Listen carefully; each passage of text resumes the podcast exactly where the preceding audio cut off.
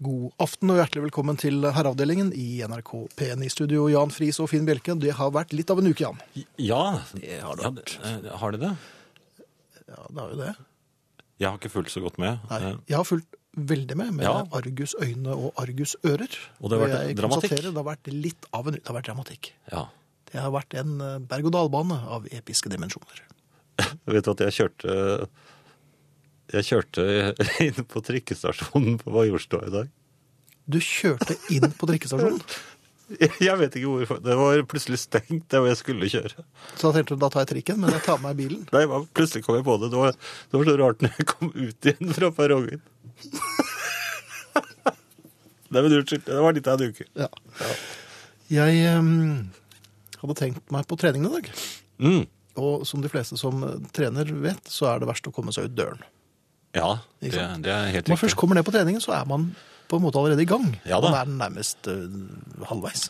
Man, man føler seg atletisk uh, Ja. før man har fått tatt av seg skoene, syns Ja. jeg. Helt til man prøver å ta det av seg, så gjør det litt vondt i ryggen, men det er en annen sak. Um, og kom inn, og mitt skap var ledig. Å ja, Det ja, er jo mitt skap, ikke sant? Det jo, Ja. Man har jo faste skap. Selvfølgelig. ja. Eh, og det var ikke så mange mennesker der. Det var svært få herrer på den tiden. Det var bare unge Ja, ikke så mange unge friller i herregarderoben, men eh, Nei, Og det var slik kanskje ikke. Ja. Um, og jeg, jeg merker at dette her blir en fin økt. Mm. Kjempefint. Og Du gled drar liksom inn av meg, vet du, og åpner sekken, og der er skoene mine, og, og det var det. Der var det skoene dine. Ja. Så du, du Og jeg merker at de er litt sånn A4 på det treningsstudioet, for at jeg har tidligere også prøvd å komme inn kun iført sko, men det var, det blir så dårlig stemning. Ja. Eh, Så da bare så jeg meg stjålet rundt, eh, pakket sammen og gikk hjem igjen. Så det var fint.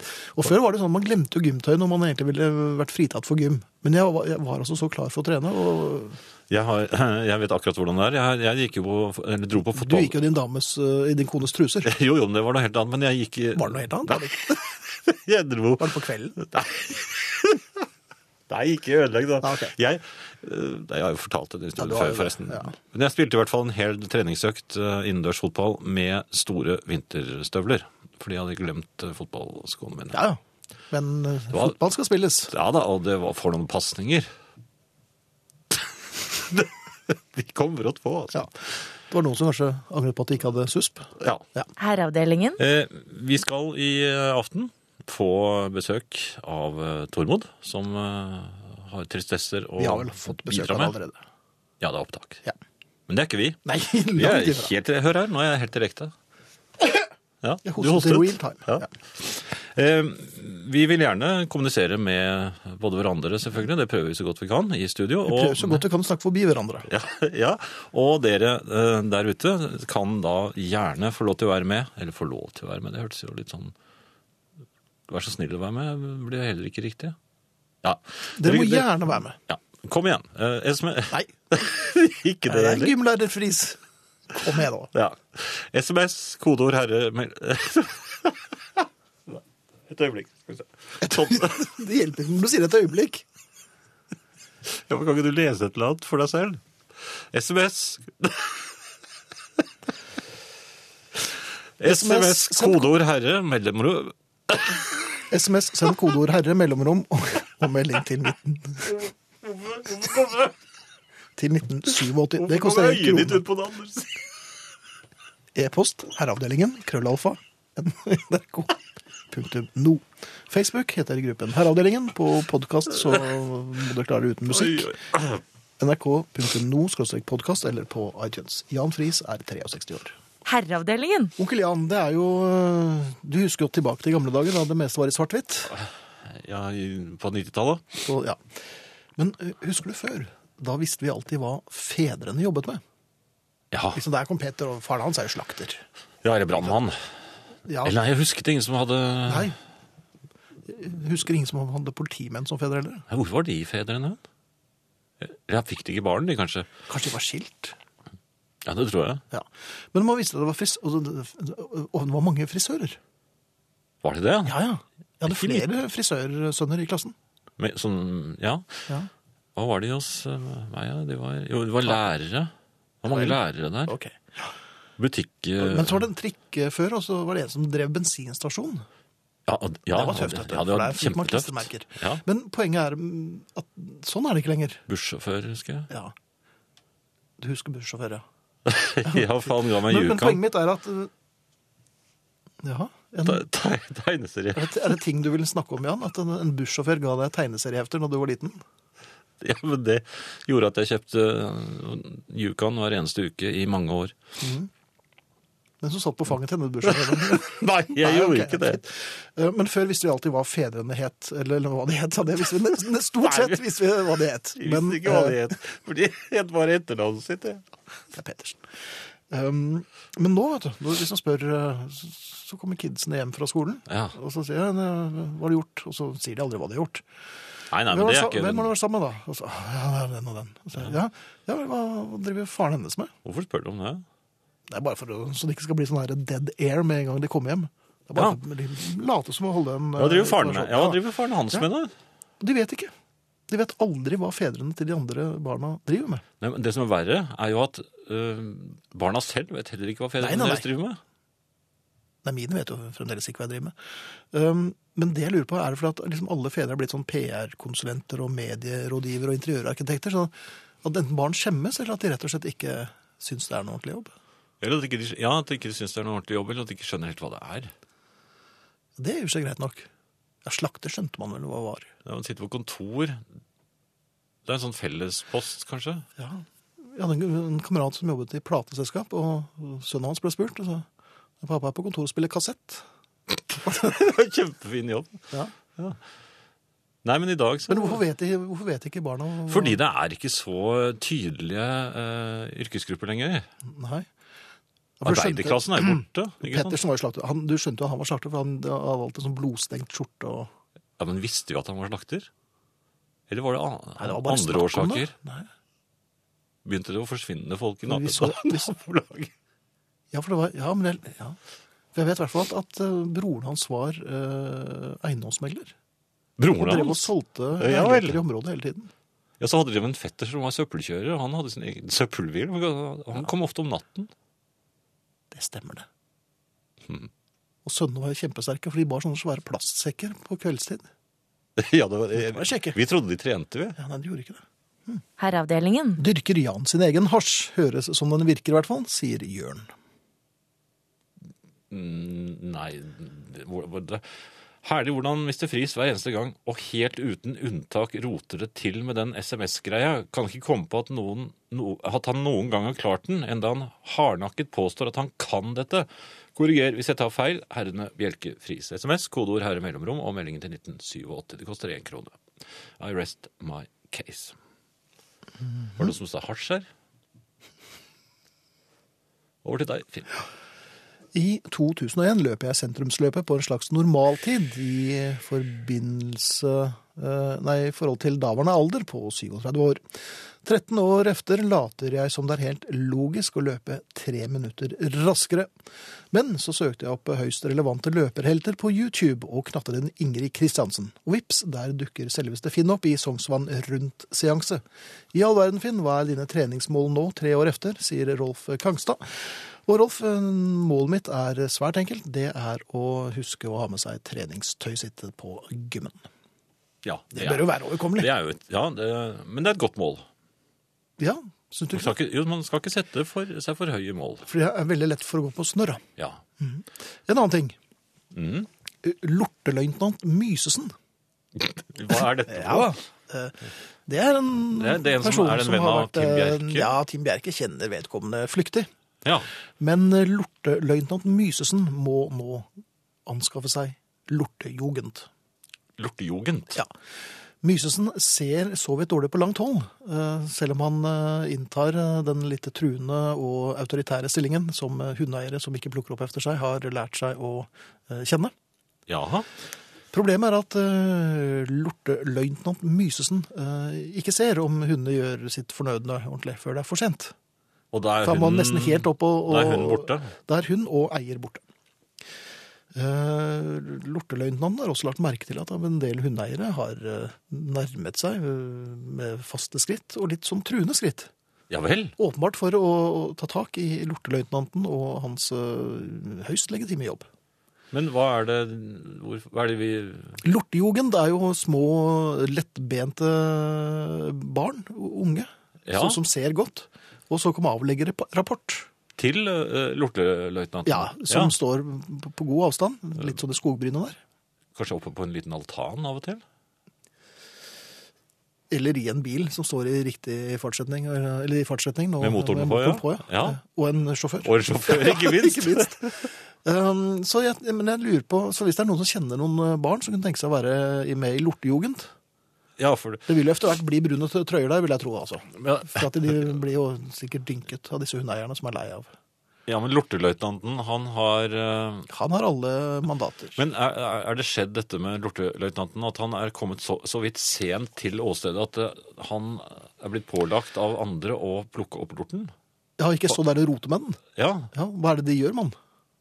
for hvis han ser så dårlig, så må han vel komme ganske nær lorten for å Ved fastslå et at den er der. anledninger har han også prøvd å ta på lorten den? for å være sikker på Og i et helt spesielt tilfelle, men det kommer ikke til å skje igjen, så måtte han smake på den. Nei, det gjorde han ikke! Litt rann. Herreavdelingen. Men eh, mine herrer, til Ja. orientering vil jeg herved meddele at min o, det står odel, eh, må være oldefar, Ja. var politi på Gjøvik og slakter samtidig. Pussig yrkesliv, og huset er fredet omsider. Skriver Øystein, da. Lau, Lauritz Åshenge var hans navn. Det høres nesten som en sang. Lauritz Åshenge var hans navn. Slakter og politi. Nei, det var litt skummelt. Ja, det var litt ekkelt, egentlig. Ja, det var- Slakter og politi. Ja. Ok. Um, hadde ikke Finn ansatt Arne Hjeltnes som ny kåsør, eller var det bare jeg som gikk fem på, sier Harriet. Uh, Harriet Olufsen, som er lutter øre. Jo, Arne er vår nye kåsør, men uh, avtroppende uh, Tormod uh, kommer i dag, og så kommer han vel på direkten, eller han kommer live neste gang, og da klapper vi for uh, Tormod. Ja. For da har han uh, hans siste dag på jobb i herreavdelingen. Og da har han kanskje på seg hatt. Ja. Du, en annen ting. Innimellom så må man jo innom offentlige kontorer eller uh, steder hvor man ikke er kjent. Ja, og man, man ikke har så veldig lyst til å bli kjent heller. Det kan man trygt si. Uh, innimellom inkluderer dette litt ventetid. Ja, ikke rent lite Ja. Jeg er jo oppsatt med diverse tekniske remedier.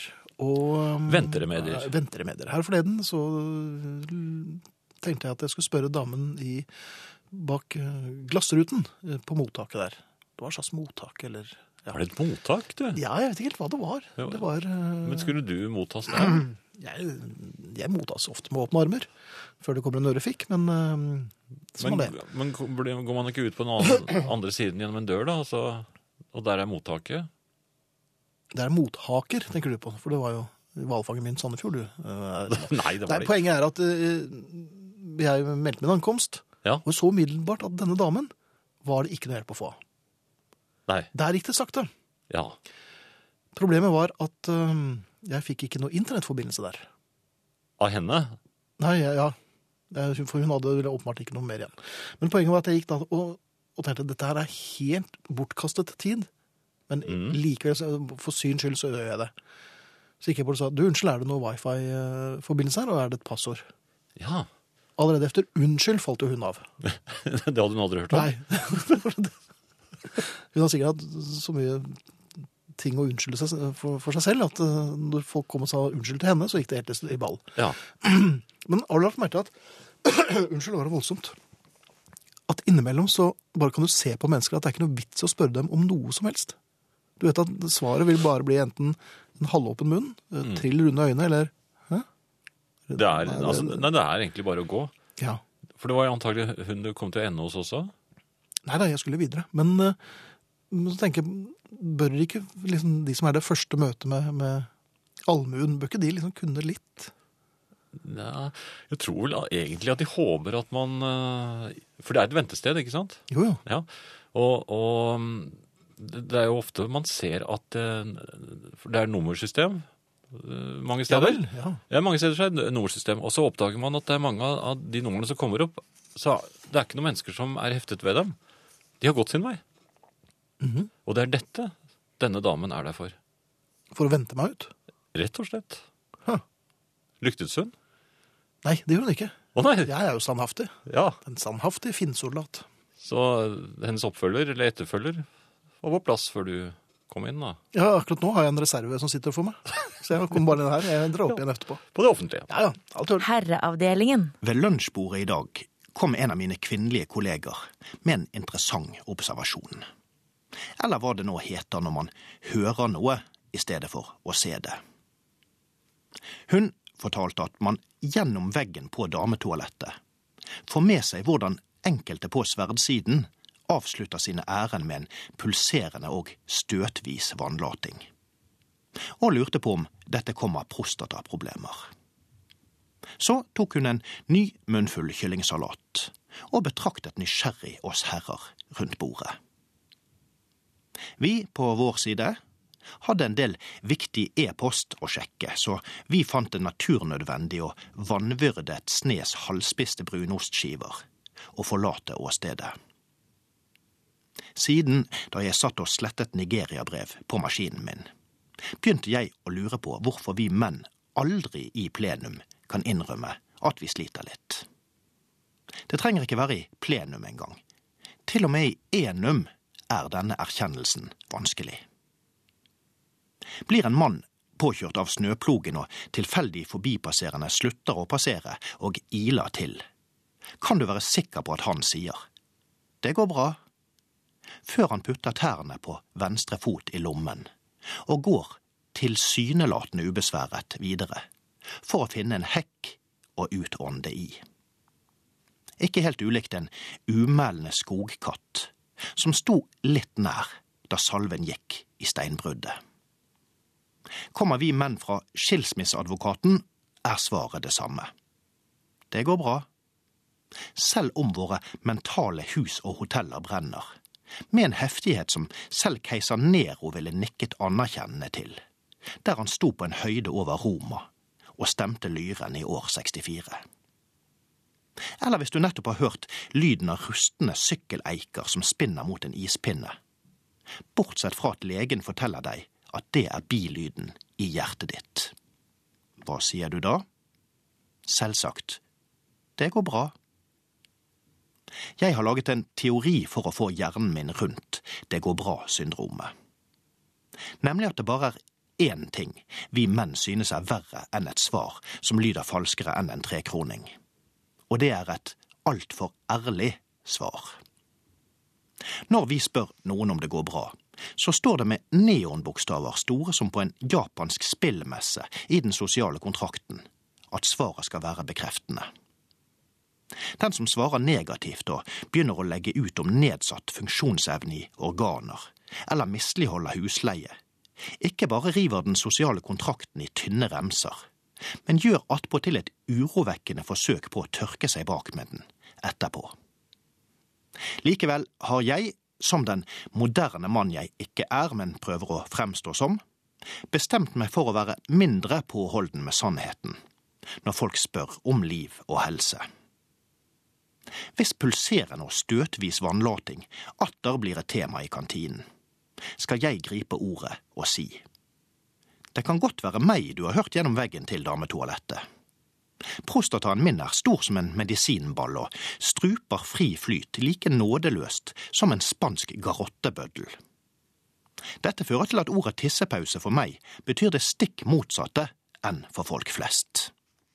Tissepause er i mitt vokabular de oppholdene i urineringen, der jeg kan forlate avtredet for å utrette andre oppgaver.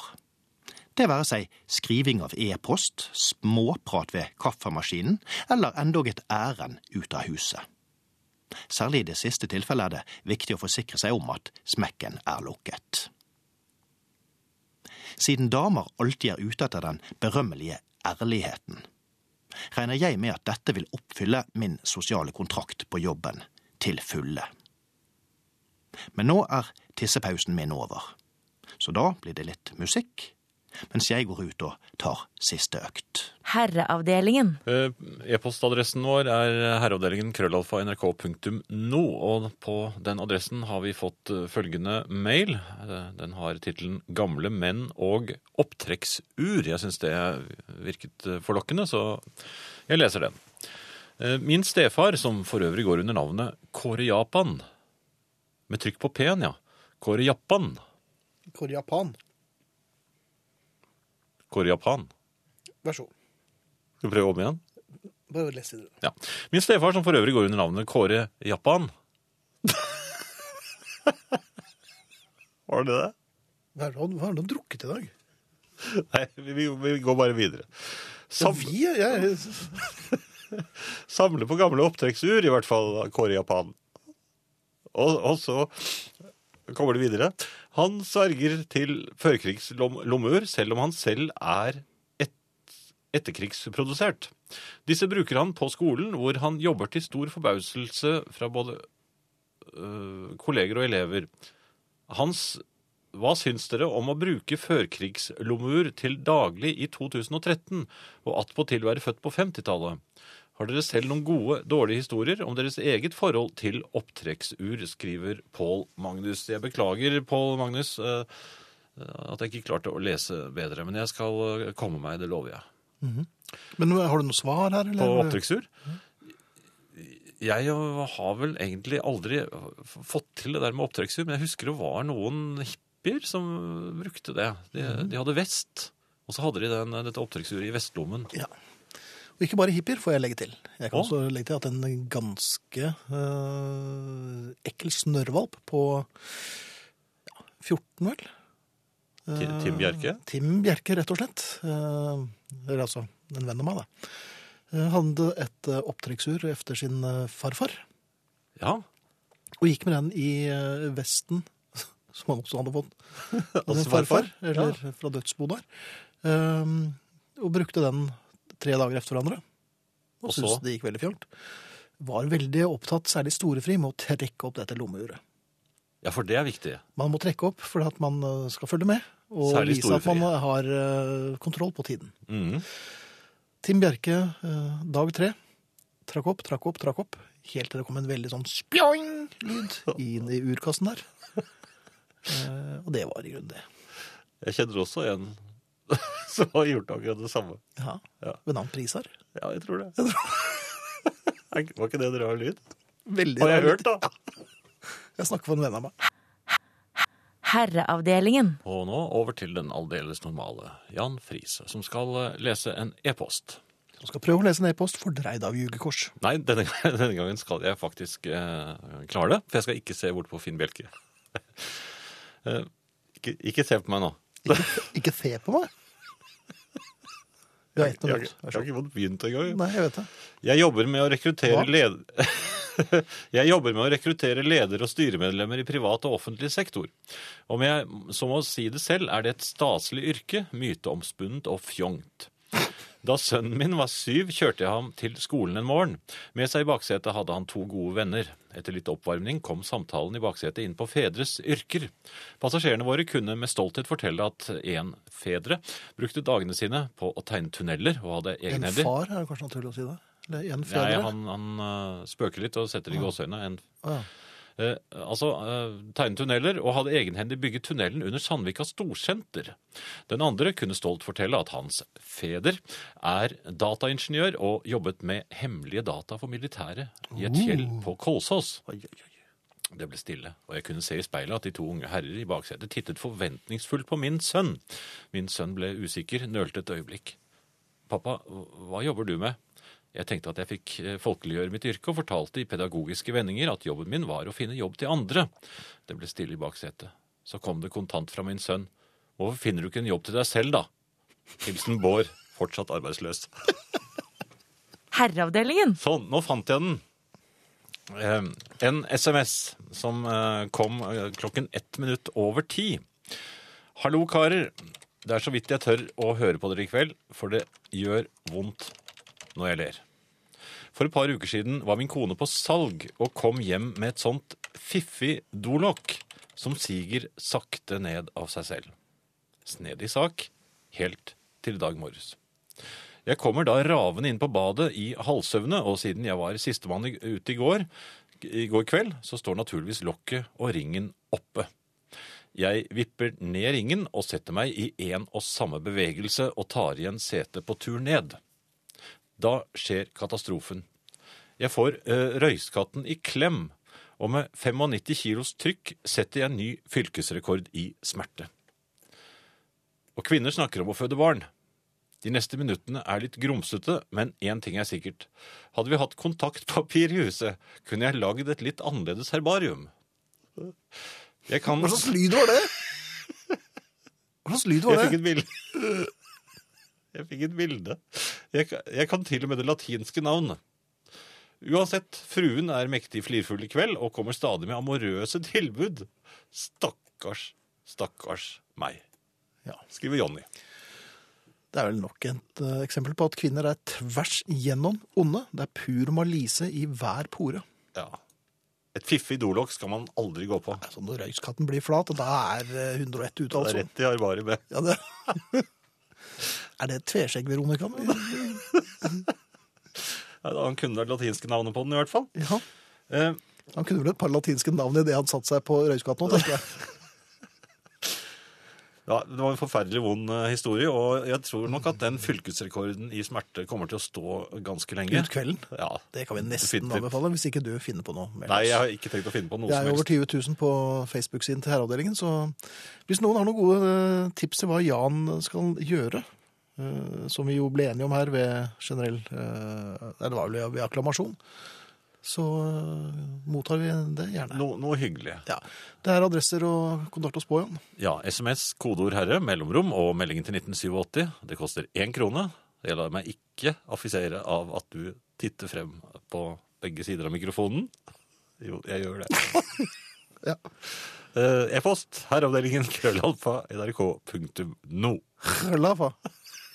Ja, men det er sånn det er at det, det får du godta.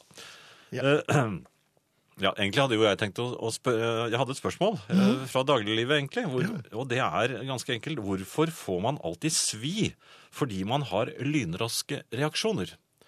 Eh, det gjelder jo selvfølgelig meg. Eh, Nei, det gjør du vel ikke. jo, eh, når vi var på ferie, så var vi jo flere i huset, og jeg sto opp eh, veldig tidlig. For jeg hadde, eh, jeg hadde jetlag, og jeg liker å stå opp uh, istedenfor å ligge og prøve å sove når jeg vet at det ikke går.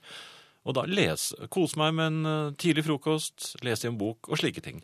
Og da liker jeg å være helt i fred, og ikke så Jeg vil ikke vekke noen. Du sier lese en bok, men du sitter jo på internett. Nei, nei, nei, da sitter jeg og leser bøker. Jeg, jeg, jeg tror jeg leste ti bøker mens jeg var på ferie. Jeg elsker det, rett og slett. Ordentlige bøker. Ordentlige bøker. Om krigen. Ordentlige krigsbøker. Men i hvert fall, eh, jeg vil jo da ikke at noen skal våkne, for at da, da får jeg jo ikke denne kvalitetsfrokosten som jeg Nei, så det er ikke av hensyn til de andre, det er egentlig av din egen velvære du ikke vil at andre skal våkne. Eh, Ja, det kan du si. Okay. Men i hvert fall, jeg har lynraske reaksjoner, det har jeg funnet ut. Fordi det som skjer er jo at øh, jeg kommer borti en, øh, en sånn liten colaflaske på kjøkkenbenken, og det er en sånn marmorbenk, eller hva det heter for noe sånn sten... det er for noe hard benk. En hard benk, ja. Ja. Ok. Og det er også fliser på gulvet, så alt er hardt rundt der. Ja. Så det er veldig viktig at glassting ikke kommer i altfor brå kontakt med disse områdene. Så det er kommer jeg- lurt å ha dette på kjøkkenet, skjønner jeg. Ja da. Så kommer jeg borti colaflasken, mm -hmm. og den er da, begynner å, å vippe over, eh, og jeg reagerer altså som et lyn. Jeg har egentlig en asjett med en brødskive på i hånden, men jeg presterer allikevel å lynraskt å plassere denne asjetten ned på, på benken, og få tak i flasken før den går over ende. Og det, det første jeg tenkte da var jo at den, den ville lage så vidt mye bråk at den ville vekke andre i huset. Ja. Men denne lynraske reaksjonen gjør jo at flasken da vipper den andre veien, og det sto mange flasker der. ja, det hadde vært fest. Nei, ja, colafest, Jaha. kan man kanskje si da. Okay. Det er sånne små flasker vet du, som de hadde i 60-årene. Jeg er veldig glad i dem. Så, for det er akkurat riktig porsjon. Det er riktig porsjon. Ja, okay. det er, greit. men, men, men i hvert fall, denne flasken tilter da mot uh, de oppstilte andre flaskene. Var det noe Don- Donald-brus der òg? Nei, det var Nei, kun, kun- eh, slike go- colaflasker. Cola, Hvorpå jeg da er nødt til å bruke den andre hånden også. Og jeg er lynrask Ja, for du er jo oppsatt med to hender. Ja. ja, jeg er det.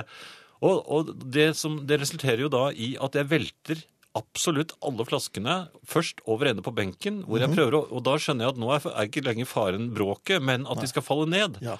Asjetten, hvor var denne? Nei, den står jo på, på benken. Ja, men altså, jeg klarer, presterer da å hjelpe de flaskene som ikke allerede er på vei mot gulvet, i gulvet, så det bare eksploderer colaflasker Mhm. Ja, for det gir dem en ekstra push. Ja, Ja. så det eksploderer altså colaflasker over hele kjøkkengulvet, og, det, og det bråker ganske Det bråker ganske kraftig. Ja. altså. Og så kom det styrtende mennesker til. Mhm. Og alt dette av min reaksjonsevne. I en alder av 60 år så Ja. er jeg altså Lynrask. Ja. Ja. Men hvorfor får jeg ikke noen fordeler av det? For dette er jo en ulempe. ja, det ble jo det, altså. Absolutt. Ja. Så, men, Men når er det man trenger lynraske reaksjoner da? kanskje det ikke er noen i huset. Tror du det? Ja, jeg tror det. Her. Au! Nei, du klarte visst ikke å ta den. Det var visst ikke så. Ja, vi hadde mikrofon. Nei, den, den må jeg ta med igjen, for jeg hadde mikrofonen foran øyet.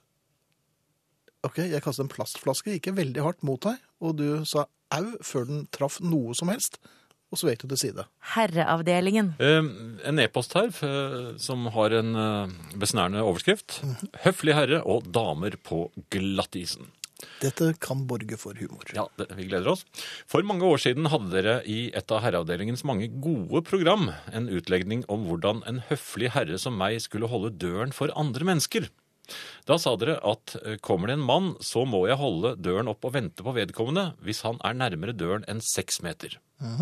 Hvis det kommer en dame, så måtte jeg holde døren hvis hun var nærmere døren enn 16.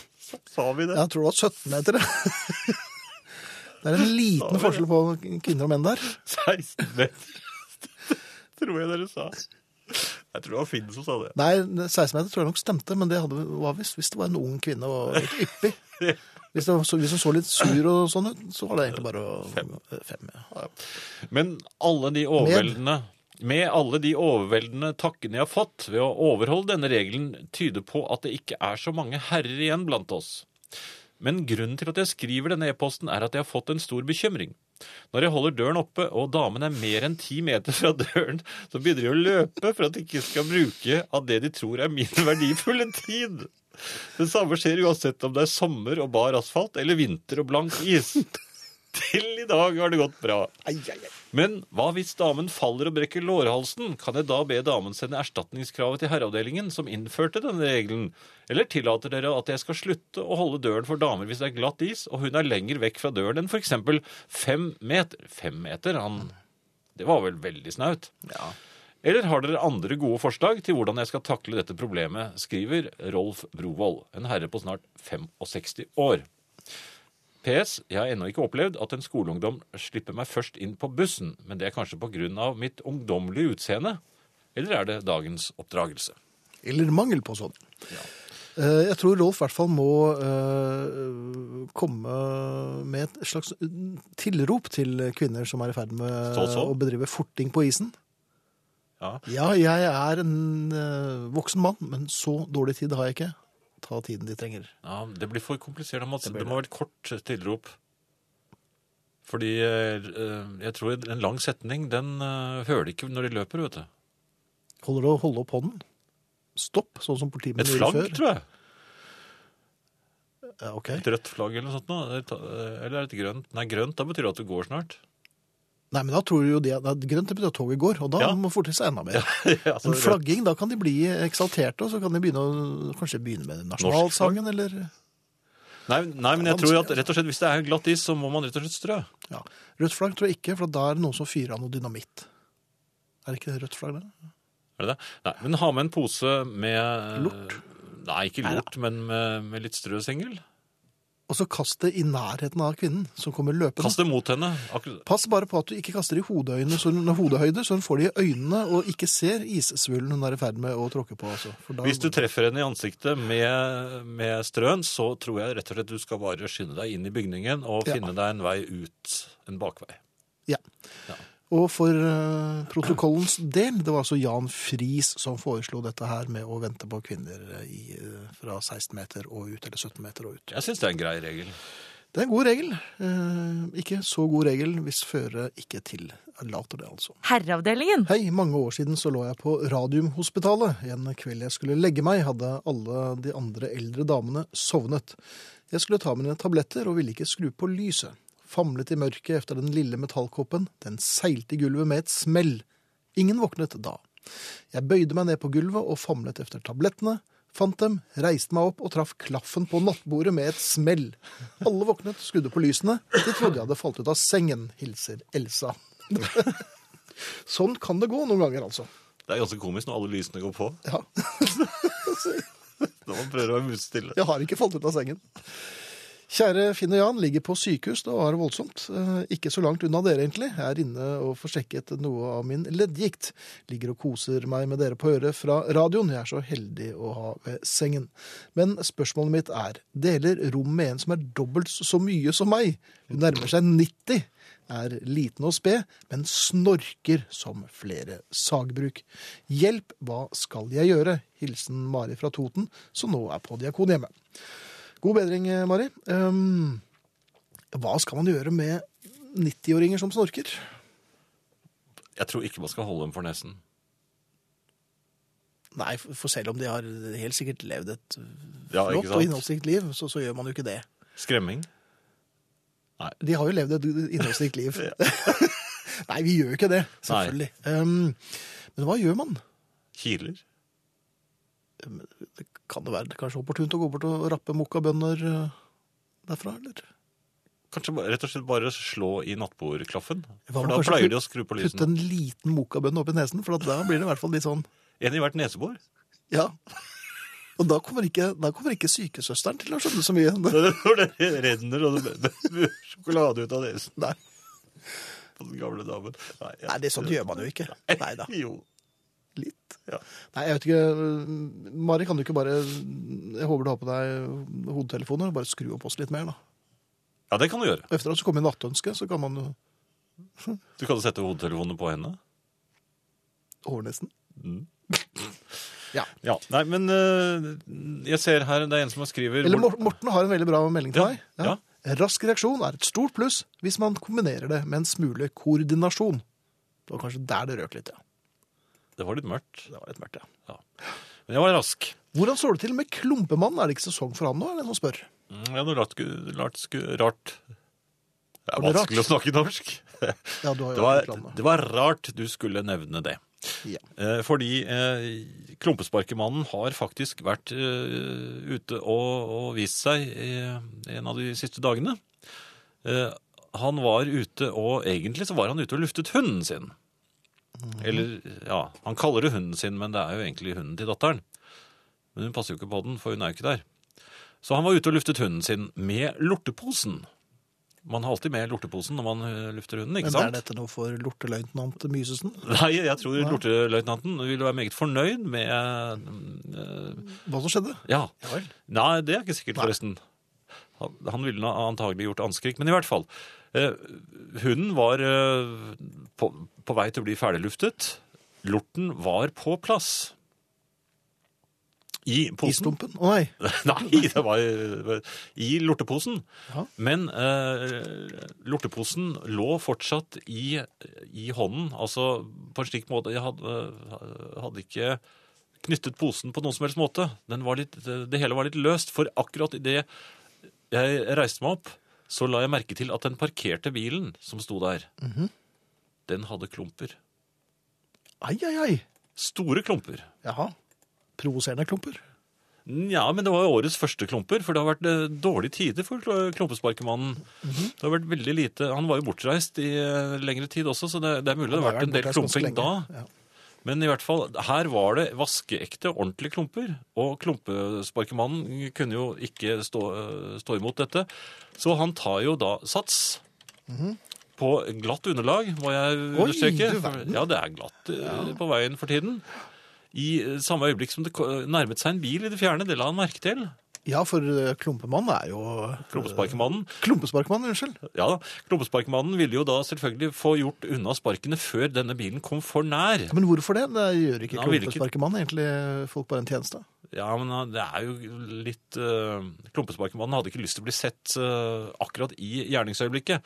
I hvert fall så treffer han da den store, fristende klumpen i uh, Ja, det heter jo ikke Julbrønnen, har jeg hørt, men uh, der hvor Klumpesparkmannen tror det heter Hjulbrønnen, så viser det seg at det er så vidt kaldt ute at disse klumpene lar seg ikke uten videre sparke av. Det var altså som å treffe betong. Og fordi at underlaget var så vidt eh, glatt som det var, Og han brukte såpass stor kraft på høyrefoten som da traff denne klumpen. Og ø, isen sto imot ø, smellen. Så sklir selvfølgelig venstrefoten til klumpesparkemannen. Ja vel. Ja, Han befinner seg da i rotasjon, og nå er bilen kommet veldig nær denne bilen i det fjerne. Gode råd var dyre. Klumpesparkmannen er jo på vei inn i en piruett. I en psykose, tenker jeg vi sier. En piruett, og her, her begynner allerede hunden å, å skrike. Fordi den ble jo dratt også med inn i piruetten. Som en slags jojo verden rundt. Ja, og den bilen kommer nærmere og nærmere, og nå er den blitt stor. Oi! Ja, for det, Ja, det, det er For den var blitt konfirmert? Og... Nei. Nei da. Nei, men det var jo det var ikke en vanlig personbil, det var en liten lastebil. Og akkurat idet eh, lastebilen er på, nesten på høyde med klumpesparkemannen, er han inne i den andre rotasjonen.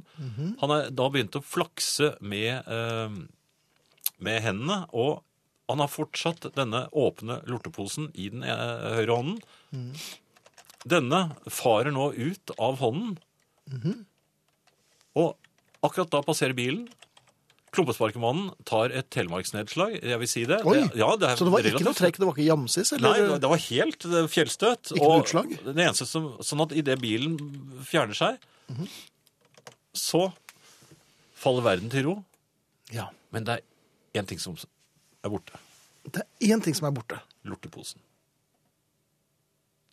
Har uh, Klumpesparkemannen leter etter lorteposen. på alle fire? Nei, den, Nei. den er ikke der. Nei. Men hold... Lorteposen er blitt henta. Ok, Den forsvant med lastebilen. rett og slett. Ja. Den vil, det er nok noen som kommer til å lure på hvordan den havnet der. Så klumpesparkemannen fikk altså ikke utført uh, noe særlig, men lortekastemannen ble født. Ja, ser du noe øh, lang karriere for lortekastemannen? Nei, jeg tror ikke det. Men, eh, men hva ville eh, Hva ville Myse... Løytnanten Nei, nei, eh, sagt til dette? Myseløytnanten, det er lorteløytnant Mysesen. Han ville jo sendt henne til det mest lettbente speidere etter efter lastebilen. For å gjøre føreren oppmerksom på at Angiver? lorte- Dette er jo lortejugend. det ligger jo i ord. Ja vel. Ja. Så det kan ta hjelp med ro. Herreavdelingen. God kveld, Finn og Jan. God kveld. 90-åringer har en sterk tendens til å reagere, reagere på stikkordet 'derek'. Rop stikkordet høyt med korrekt aksent, så nær øret som mulig for ønsket effekt, og snorkingen er fjernet for de 50 neste minuttene. Skriver Egon. Kari skriver uh, Jeg skled på isen utenfor Oslo City. Pinlig. En bil som nettopp hadde passert, rygget tilbake. Mannen hoppet ut, spurte vennlig Har du slått deg? Jeg. Nei da. Mannen. Jeg har en kone på din alder. Du lyver. Kjørte meg til legevakten. To forstuede ankler, ett brukket håndledd. Takker mannen og dere også for tiltroen til oss kvinner på 50 pluss, sier Kari. God bedring, Kari. Og noen ganger så kan man bare innrømme at det både gjør vondt, og at man har nok slått seg, og au og en tåre er også greit, altså. Men vi gjør det samme, vi òg. Ja, Man går, over, går over ende på gaten. Ja. Man blør fra både øyne og nese. Og, nei, det, går, det gikk så fint. Jeg føler meg helt fint. Føler meg helt fin. Og går videre.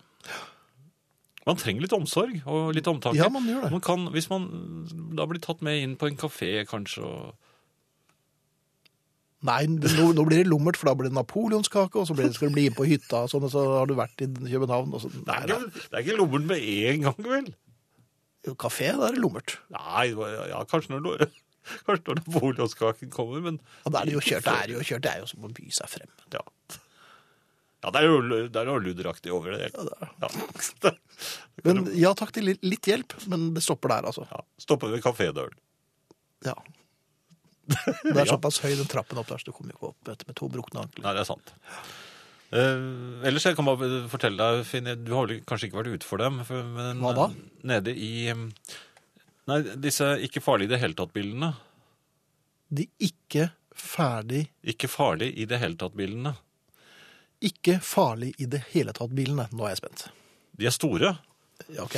kjempestore, og de lager en grufull, eh, tung lyd når de treffer eh, veggen eller ruten, eller deg. Au da. Ja da, for de flyr i De er jo nærmest blinde. Dette var jo nå i, da jeg var nede i Thailand på ferie.